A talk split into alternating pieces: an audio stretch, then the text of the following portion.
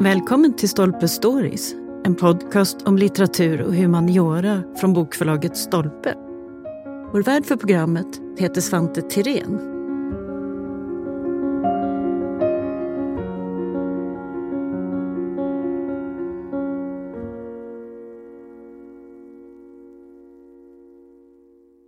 År 1970 så kom den banbrytande boken The Sounding Cosmos, A Study in Spiritualism of Kandinsky and the Genesis of Abstract Painting. Den var skriven av den finske konsthistorikern Sixten Ringbom och gjorde upp med historieskrivningen om den moderna konstens födelse. Boken blev både hyllad och kritiserad eftersom den visade att okulta och spiritualistiska rörelser hade en helt avgörande betydelse i den abstrakta konstens födelse. Det var något som tidigare hade ignorerats och passade inte in i den förväntade bilden av hur det moderna skulle vara. Men sedan dess har intresset för det andliga i konsten bara ökat och nu finns Ringboms bok för första gången i nytryck. På länk från Berlin pratar vi i det här avsnittet med konsthistorikern Julia Foss som skrivit ett förord till den nya upplagan tillsammans med Daniel Birnbaum. Julia ska förklara varför Ringbom fortfarande ger oss viktiga tankeställare och hur man kan låta en sån här gammal konsthistorieklassiker få nytt liv. Thank you for joining us, Julia. Thank you for having me. It seems that now, a hundred years later, we are suddenly very interested in the history of spiritual movements and abstract pioneers of the early 1900s.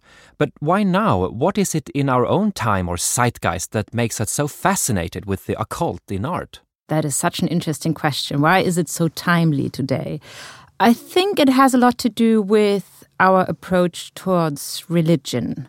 When Kandinsky painted and Hilma af Klint painted, Europe was very Christian. And I think Europe was very skeptical of everything that wasn't Christian, either Protestant or Catholic. And that was also reflected in art history and the writing of art history. And I think nowadays, people are more relaxed with the spiritual. Everybody is doing yoga. Everybody is fine with sort of, I don't know, having visions every now and then. A lot of people have tried all kind of thought provoking drugs. And I think all that contributed to our view today that we are less skeptical of spiritual teachings and that we are kind of fine with people practicing different approaches towards the spiritual rather than coming from the big religions. So it's simply a matter of changing attitudes. We are more used to talk about the spiritual questions. Yeah, I would say so. I mean, there are always a lot of different influences that kind of flow into each other, but I think the basic attitude towards religion has changed a lot. I mean, this is something the churches are really aware of. A lot of people sort of have left the big churches and they are all practicing their own individual approaches. And I think this is something people did 100 years ago, at least a small group. And all these movements came from sort of departing from the big churches and finding their own path into the spiritual realm. And I think nowadays we can appreciate that much more than people could 50 years ago or even 100 years ago. Everything goes in waves, doesn't it? And perhaps there are some similarities in the way we are currently in right now as it was 100 years ago. Yeah, I would absolutely agree to that, yes. For a long time, it was either ignored, unknown, or hard to accept the impact of uh, theosophy, anthroposophy, and other spiritual movements that clearly had an impact in, in this early stage of modern art. What was it about them that caused the academia and the public to look away? I think one difference that really stands out besides the fact that they you know they are not protestant or catholic or jewish one difference that really sticks out is the role of women in these movements um, in all the big religions women were marginalized and there was a kind of strong theory that women didn't have any direct approach to the higher realms. It was always left to men, people representing the church, like priests, like the pope, whatever. And women were seen as, you know, as servants to the divine, but they weren't really seen as someone who can open up doors. And with these spiritual movements, whether it's theosophy or anthroposophy, they all believed that there was no difference between men and women when it came to the spiritual, and that they could both open up the doors to higher realms. And particularly in, in theosophy, you had a lot of strong women. You had people like Annie Besant, uh, who was an Irish reformer. You had people like Blavatsky was hugely important. She founded in 1875, she founded the Theosophical movement. She was Russian by birth and then founded the Theosophical movement in the United States. She was very influential in Europe. She moved then to London. And later on, even Theosophy moved to India in order to help the independence movement there. And that was something that is really unheard of. I think this is really important to see that women, even before they got the right to vote in Europe or wherever in the world, women had a pioneer and really important role in all these movements. That's something that really makes these movements different to all other religious movements. So, apart from being, let's say, generally considered weird or unconventional, the fact that women had such a prominent role in these movements also contributed to this skeptical view.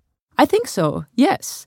Basically, most of them were really reform movements, and they were not only interested in the spiritual, but they really believed that the spiritual can bring about change. And I think it's important to see here that the spiritual is kind of the counter term to materialism. And people believed, or those people believed, that they lived in highly material times and they wanted to bring about change and that they had to look at the spiritual in order to overcome the material. So often they joined with all kind of reform movement like the working class movement like women's suffrage like women's right to vote and so forth so yeah i think the spiritual movement was something that was really there to bring about change and this affected also the art history writing of, let's say, the 1930s, 40s, 50s. I mean, when it was continuously ignored, they also had this issue with the fact that women were so present, do you think? Yeah, I mean, this is something I think about a lot because I studied art history and I find it deeply troubling how much art historians have written out women out of the story. And they did the same with the spiritual movement and all the sort of leading female figures in that. But I think there's also another another reason why the spiritual was kind of downplayed or written out of the story, and that's the Cold War. So, when abstraction became really successful, that was long before the first movements were founded, and it only became successful in the Cold War. And the Cold War had this kind of dualist thinking where everything kind of was thought in opposites. So even when it came to style, so there was the communist Eastern world and the democratic Western world. And art history really believed that they kind of fostered two different styles, and one style would be social realism, the other style would be abstraction. And abstraction was supposed to be the style of the West and the style of freedom. So it was fashioned in a certain way. And in the Cold War, there was actually there was no interest in sort of studying the spiritual that was there to overcome the material. I mean, the Cold War was really about promoting a Western style of thinking, and capitalism was really part of that. And this kind of anti-materialist spiritual movement didn't fit into that picture, so it was written out. So, in fact, if we look at the reasons why spiritualism was ignored or, as you say, downplayed, we find interesting reflections of Europe at that time and the politics and the attitudes in a more general historical context. Is that it? Absolutely, yes. I think it's deeply rooted in the political movements and it's I think we really have to think also of art history as something that was deeply moved and influenced by the Cold War and wrote a certain kind of story and was no exception to the rest. I mean, art history sort of fashions often itself as something that is about sort of freedom and free thinking and so forth. But if we really look into it, I mean, it's very much in line with kind of official politics. We know that, for example, the CIA also paid for exhibitions of abstract expressionism in order to promote a kind of Western thinking that Pollock turned in, sort of into the poster boy of uh, Cold War politics, very much to his own regret. But yeah, I think we have to think about art history as something that is also deeply influenced by politics. Of course. It's always interesting to think about uh, things that are actively not told, let's say. Yeah. But if we move back to the book, this book, of course, is about uh, Kandinsky, but it sheds light over a far greater context and also this uh, historiography of art. I mean, the history of the history of art. But if we start with Kandinsky, which the book is about, of course, I mean, he is an icon. His story has been told numerous times. But how has it shifted over the time? How do we talk about him now compared to 50, 60 years ago? Kandinsky became very successful after his death. He died in 1944, and I think he already witnessed that abstraction would become a very successful movement.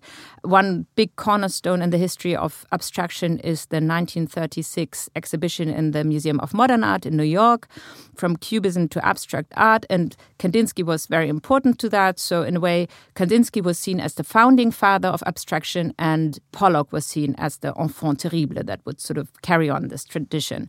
And abstraction was seen something that sort of single male white geniuses brought about, and something that was very individual, and something that was kind of rebellious against society, but not in a political sense, rather as an expression of personal freedom. So, very much in line with Cold War ideology, Cold War politics. And um, I think, particularly with Kandinsky, it's terribly hard to write our spiritualism because, I mean, his most famous book was The Spiritual in Art. How do you write that out? But nevertheless, they managed. They kind of sidelined his writings on the spiritual. And I think more and more people felt that this is not the full picture. And this is something that uh, Sixten Ringbom brought up very early in his writing, already in the 1970s. And his study of Kandinsky really fostered a new, a much more adequate picture, if you like, of Kandinsky, really bringing back this spiritual background of his into the way we see him. Yeah, and let's get into that because Sixten Ringbom, he was, of course, born in Finland, but he had an international career. What kind kind of art historian was he, and how was he different from others of his uh, generation, would you say? That's a very good question. I would love to know. I mean, I know kind of the basic dates, and Daniel and I wrote that in the introduction of the book, but I, you know, I don't, I've never met him, and uh, he died very early. He already died in the early 90s. And I don't know much about him personally. I mean, he was born in 1935 in Finland. And then he studied in Finland and then he wrote his PhD actually in London with Ernst Gombrich. So he had a very international career. And I think the Warburg Institute, where he was, was one of the best places at that time to do what he did. And then he went back to Finland and taught there. But he was also, he was internationally active. He was one of the first people to write about Hilma af Klint in an academic context. And the big question is really what made him different? Why was he able to see what other people didn't want to see, let's say? Yes. And um, I can only speculate on it, but I think one thing is that maybe coming from Finland, he was more used to a different approach towards religion. In Finland, there had always been different religions, and I think there was much more awareness that sort of there was a spiritual tradition that had been suppressed by the Protestant church. And maybe that's something that made him think about this differently. The other thing is he was, but that's actually true for a lot of people, he was a specialist for the late Middle Ages and early Renaissance. And I think there are a lot of connections there. I mean, people who only study modernism, they sort of they know the avant-garde, the story of the avant-garde, and they're kind of because they think that kind of modernism is opposed to everything religious, because religion for them is kind of state religion is something suppressive, and avant garde is something that sort of opens up and diverges from kind of common views. He was a specialist for a time when it was very common to think that artists are mediums and also that pictures can open up or be a bridge to the spiritual realm. Um, no one in the Middle Ages would have thought that it's strange to think of pictures as kind of something that can transmit or is sort of in between the powers and can um, connect us to higher forces. So that was something that was a very common way of approaching religious pictures in that time. So Sixten Ringbom was aware of that. And then there's one thing that also makes me think Finland is actually the country in Europe that was the first country to introduce the right for women to vote. And I think you cannot tell the story of the spiritual currencies without looking at the role of women, as we have already said. And maybe coming from a country with that tradition, he was also less skeptical about sort of women in important roles or women as kind of powerful people who could bring about change. So maybe he was less biased about women. So in conclusion, I mean, we have to research this further perhaps, but he just brought with him some kind of new openness to things. It might be because he was from Finland and the attitudes towards women there were partially perhaps different. But also, we have to talk a little bit more about the Warburg Institute, yeah. the Warburg Institute, and of course Ernst Gombrich, because it means that he comes into what is then the very center, the sort of most famous uh, institution of art history in the world, no? Absolutely. I don't know whether it was the center, but it's, I mean, it has a grand tradition. Aby Warburg was um, a Jewish German art historian who was very much interested into what he called the afterlife of occult movements in Renaissance art. Um, that was kind of his expertise. But he also wrote on Edouard Manet, for example. He also owned a picture by Franz Marc, who is with Kandinsky, who founded the Blue Rider, the Blaue Reiter, together with Kandinsky. So Aby Warburg was also interested in modernism, but his field of expertise was the Renaissance and um, antiquity and the strong occult movements that carried on through art history.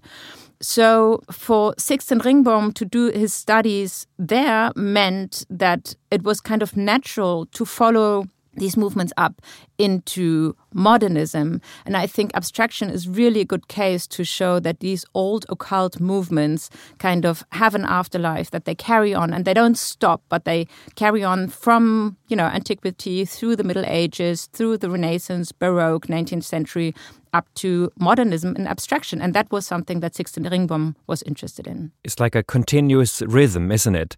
And perhaps also the fact that he, his early writing is about Renaissance art, and of course, which is almost entirely religious, depending on how you uh, see it. I mean, that of course opened his eyes naturally to these other perspectives when it comes to modernism. Absolutely. I must say, I found it really helpful at a certain point when I was writing the biography of Hilma af Klint. I found it really helpful to look at uh, studies that dealt with you know the role of images in the middle ages or early renaissance because there it's so you know it's so in your face that as i said pictures can be mediums pictures can connect you to higher forces and you can you kind of pictures are bridges that take you to the spiritual dimensions. And I think also for someone like Hilma af Klint, she traveled to Florence. For her, it must have been eye opening to see that tradition and understand, you know, I might be kind of odd in my time, but actually, that is the strongest force in Western art history, but also you could actually say in global art history, because I think this idea that artifacts, that um, like um, sculptures or pictures can connect you to other forces is something that is very intrinsic to all cultures. It's all about interaction, isn't it? I mean, pictures and art is not something we just look at. We constantly are shaping ourselves together with them back and forth. Oh, very much. Yeah. I think it's a process that goes in both ways. And I think, in a way, art history and art has become a little bit boring through that kind of Cold War approach that would only see sort of the formalist side of it and think of Kandinsky as a formalist who would only be interested in shapes and composition and the surface and anti illusionism. And that's, you know, that's part of it. But that's not the whole story, and it's not the most important story. I'm thinking also because he named the book The Sounding Cosmos. And of course, a lot of people know Kandinsky, especially when it comes to the theory around sound and, and colors and sound and so on. But do you know why he chose the title, The Sounding Cosmos? The Sounding Cosmos is a title that comes from Kandinsky's writing. Kandinsky actually says in his book on spiritual on art, the spiritual in art, he talks about that the cosmos sounds, that it sort of hums, that it um, puts out waves, and if we develop our senses, we can connect to that and hear that. And I think this is a really important thought for Kandinsky. It's in a way, it's kind of modeled, I think, on the natural sciences in these days because when Kandinsky was writing his book, I mean, it was really in a period where the natural sciences got redefined. They discovered all these invisible forces that had not been seen before but could be now detected by the help of machines. Think of X rays, for example, think of radioactivity, and so forth.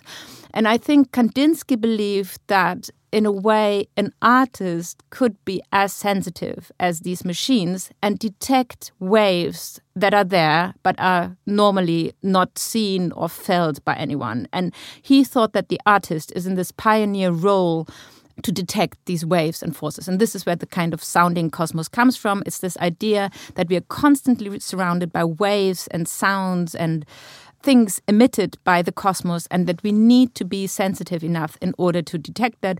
And Kandinsky gave us his pictures in order to make us sensible for these waves. So, in other words, it's quite a cleverly chosen title, isn't it? Because it's both, in a way, a direct quote from Kandinsky, but it also points towards the fact that, of course, he's not a formalist. It's about deep, big, existential questions about the entire universe, let's say, inside and out, no? Yeah, absolutely, and it's a beautiful title, isn't it? I, it I is. Really, I really like that because you, you know, you can hear immediately that the idea is that we are not alone, but we are surrounded by something, and the cosmos, the microcosmos, and the macrocosmos is connected, and it's connected via waves, something we can either hear or see or feel, and detect. Only that, you know, we have kind of lost this capacity and need to rediscover this capacity.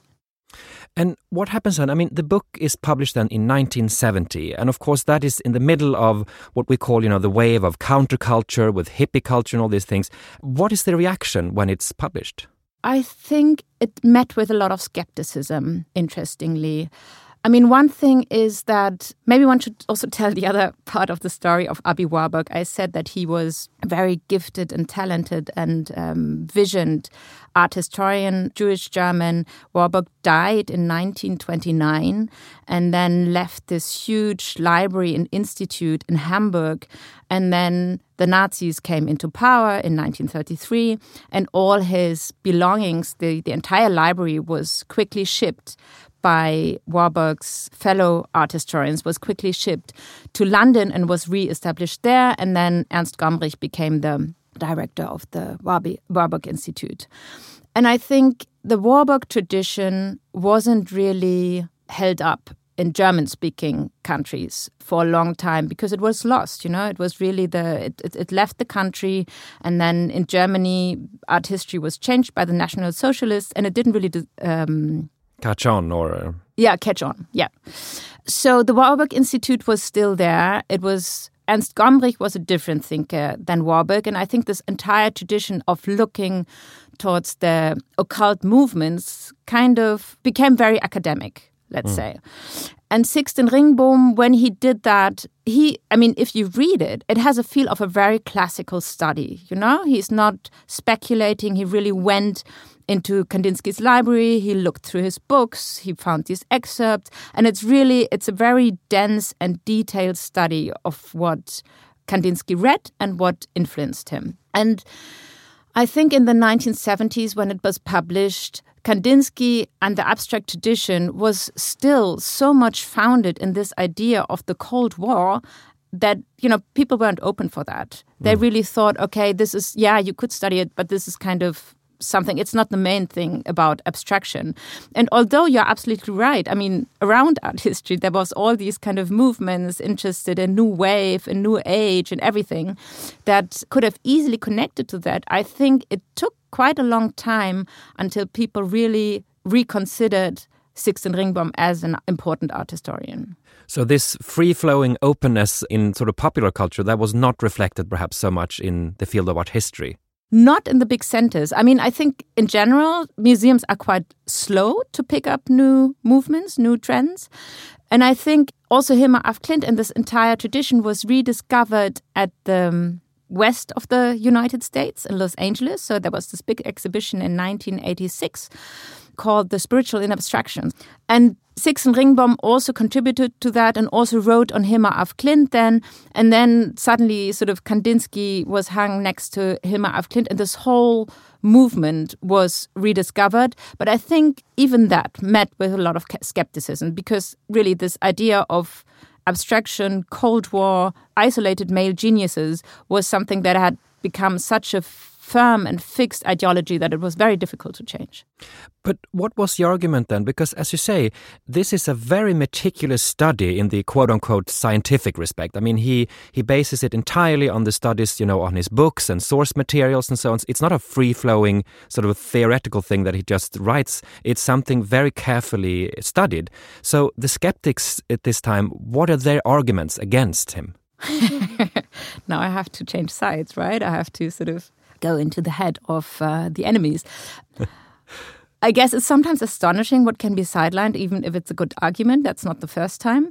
And I think basically people would argue that this was only a phase in Kandinsky's life and that he, you know, that it wasn't that important and that you have to see kind of art free from that kind of writing. But as you say, I mean, Sixten Ringbom not only brought up a very detailed studies of Kandinsky's writing and reading and his library, but he also brought up a visual tradition that was kind of forgotten or downplayed. Uh, then I'm just sort of bringing up two examples here. He wrote about a book called Thought Forms that was published for the first time in English in 1905. Um, Kandinsky had a copy of 1908 in German, and Thought Forms was published by two theosophists, Annie Besant and Charles Leadbeater.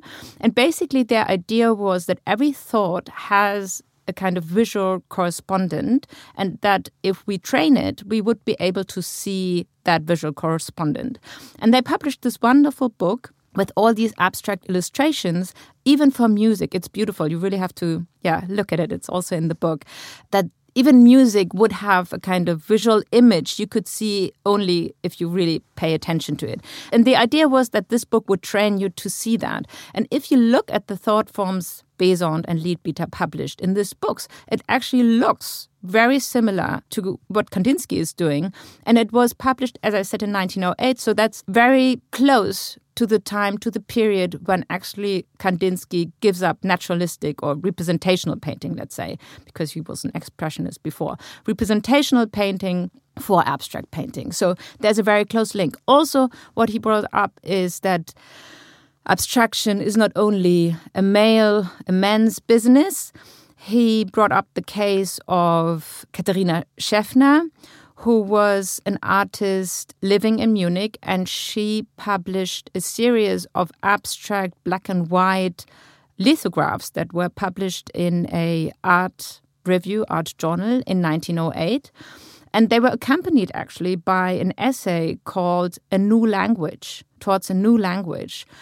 Um, and actually, this journal was published in Munich, so you know, it's almost certain that Kandinsky was aware of that. And we also know that he had in his library for example, he had postcards that were published by mediums of their art and so forth. So he was absolutely aware that he was in the middle of a kind of spiritual movement. He quoted Steiner, he quoted Blavatsky, he saw all these influences, and Kandinsky himself sort of really wrote out these influences himself when he wrote about himself, and then art history in a way followed him.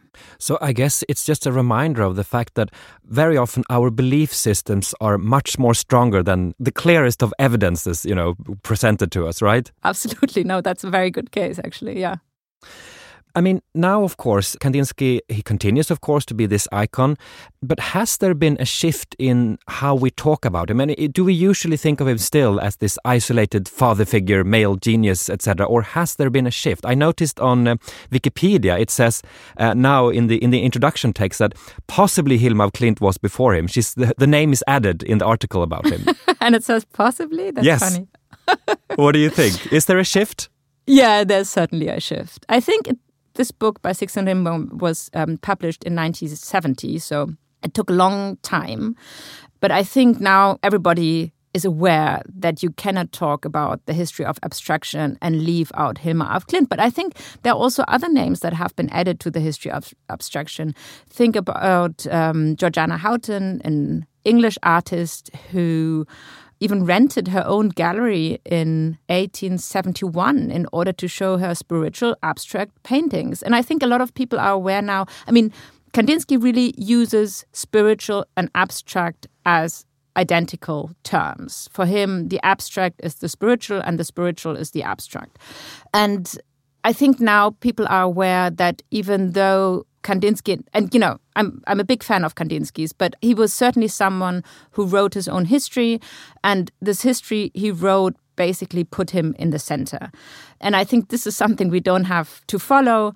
And I think people now know that Kandinsky wasn't the first abstract artist. I think people are also aware that there is no first abstract artist. But I think it's still important to be aware that even before Kandinsky, and even though they are not the first, but before, there were a lot of women who did all these experiments and didn't get any credit for what they did. And I think it's not only that Kandinsky is not the first, that he was actually part of a movement. I think the other important insight we have now is to understand that actually women were the pioneers in this history of abstraction, and we are still rediscovering the female history of abstraction. So we could say then that the shift that we're in right now, it's about again uh, seeing, for instance, Kandinsky as part of a movement rather than a sensational first, and the fact yeah. the whole idea of this sensational first, in fact, is, is is an illusion. But then also, of course, this continuous rediscovery of women because that has just begun, hasn't it? Yeah, absolutely. And I think, you know, we have, you know, it's, it's like a map. We have all these dots on this map, and we need to connect this map because if we have someone like Georgiana Houghton, we know she exhibited in London in 1871. This exhibition was a lot was reviewed. Uh, it got a lot of bad reviews, one has to say, but it was you know, but still it was seen. And actually, Georgiana Houghton even became a footnote in Blavatsky, in one of Blavatsky's important books. So mm-hmm this tradition was kind of told and carried on. And I think, you know, we have Houghton in London, we have Hilma af Klint in uh, Sweden, we have Katharina Schäffner in Germany. And I think that there are a lot of lines that can be drawn in between this women and that would really enrich us if we sort of really map out this whole thing rather than have all these singular dots to really connect these centers of abstraction and write the entire history. And so really the evidences they have been there all the time. They've not been abstractly hidden, let's say. They have actually just been actively not seen. Yeah, no, that's this is something that is really I mean which I find really shocking. Georgiana Houghton was so kind as to write her own biography, which is good, autobiography. And in this autobiography, she also sort of writes a lot about her beautiful exhibition and how she rented the gallery and who advised her and how the reviews were and what she thought after that and that she almost went broke and who helped her and everything. So we have a lot of details about that. But I mean, this is something that I think also really drew me into studying these movements is the fact that I studied art history and that all these names didn't come up when I studied. When I first met Hilma af Klint, I thought, how could this be that someone who produced such a beautiful and mind blowing and pioneering and strange work was completely buried in art history. And I think this is, yeah, the other line we need to understand why there was so much resistance against writing that history. Mm. It's fascinating to think about also, I mean, when, when we become aware of what we not see, I mean, what are the other things we're currently not seeing, right? Oh, absolutely. Yeah. There's much discovery ahead. But okay, republishing a book like this, it's not too common. I mean, of course, there are some art historian classics that are widely read and republished for universities and courses, but this is a pretty narrow title, we could say, right, compared to other things. But what, in your view, are the main reasons why we should read uh, Ringbom again? I think you know, Ringbom published the study, and it, it, didn't have a high print run back then when it, it was published in 1970.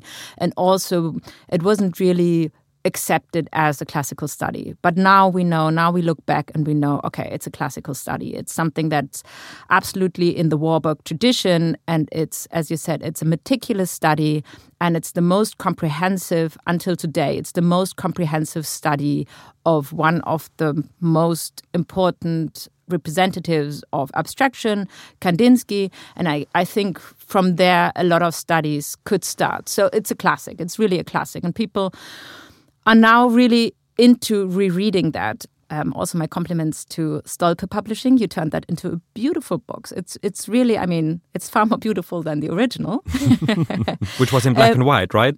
Yes. So now we have it in color, and it's everything is handy. You can read sort of what uh, Ringbom has found out. You can compare it to the Kandinsky painting, and it's fantastic. And I think it's sort of it moved from the fringe into the center, and a lot of people are interested now in writing, rewriting art history and looking at the spiritual tradition. And also, I mean, Ringbom is also very much aware, although I would really say he is a pioneer, he's also a very modest person. So when he writes the story, he's also quoting all these people who have written on these topics before. And we have to say, although Ringbom is groundbreaking, he also looks back in art history and quotes people, for example, like Hartlaub, who was the director of a very important museum, the Mannheimer Kunsthalle in Germany, who did in the 20s a big survey of abstract movements in Europe, for example. So Ringbom, I think, brings together a lot of sources that haven't been studied yet entirely. It's a beautiful study on Kandinsky, and I think it's a book that can really foster future art historical research. It truly is an, an, an, entire cosmos that is opening up here with Ringbom. Yeah. Is this a book, do you think, mostly for, let's say, specialist academics, or can a more average reader enjoy this too, do you think? I think an average reader can enjoy it. I mean, that's also the thing. Art history has become, I think, very narrow by looking at people like Kandinsky as a formalist because this kind of formalism talk is isn't really interesting to an average reader. An average reader doesn't really care that much about sort of theories of composition and theory of shape and surface and so forth. It becomes very narrow, very academic, very theoretical, and very sort of removed from life. But this entire quest for the spiritual is something I think almost everybody, I think, encounters at some point in his or her life. So bringing it back to that, I think Sixten Ringbom is bringing something very important back to art history, namely connected to the life of people and to what they kind of search for, what they look for. So it's probably not something you read at the beach in a row and cannot put down, but it's something I think if you read bits and pieces that bits and pieces can be really enriching for the average reader too. So it's certainly a book that will have more impact to come for sure. We'll see what the legacy of Ringbom will continue to be. But thank you so much for joining us again, Julia. Thank you so much for having me and thank you for your questions.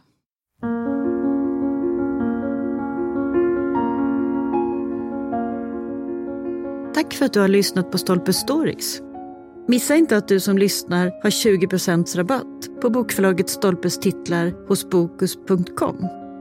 Aktivera rabatten genom att ange koden STOLPE20.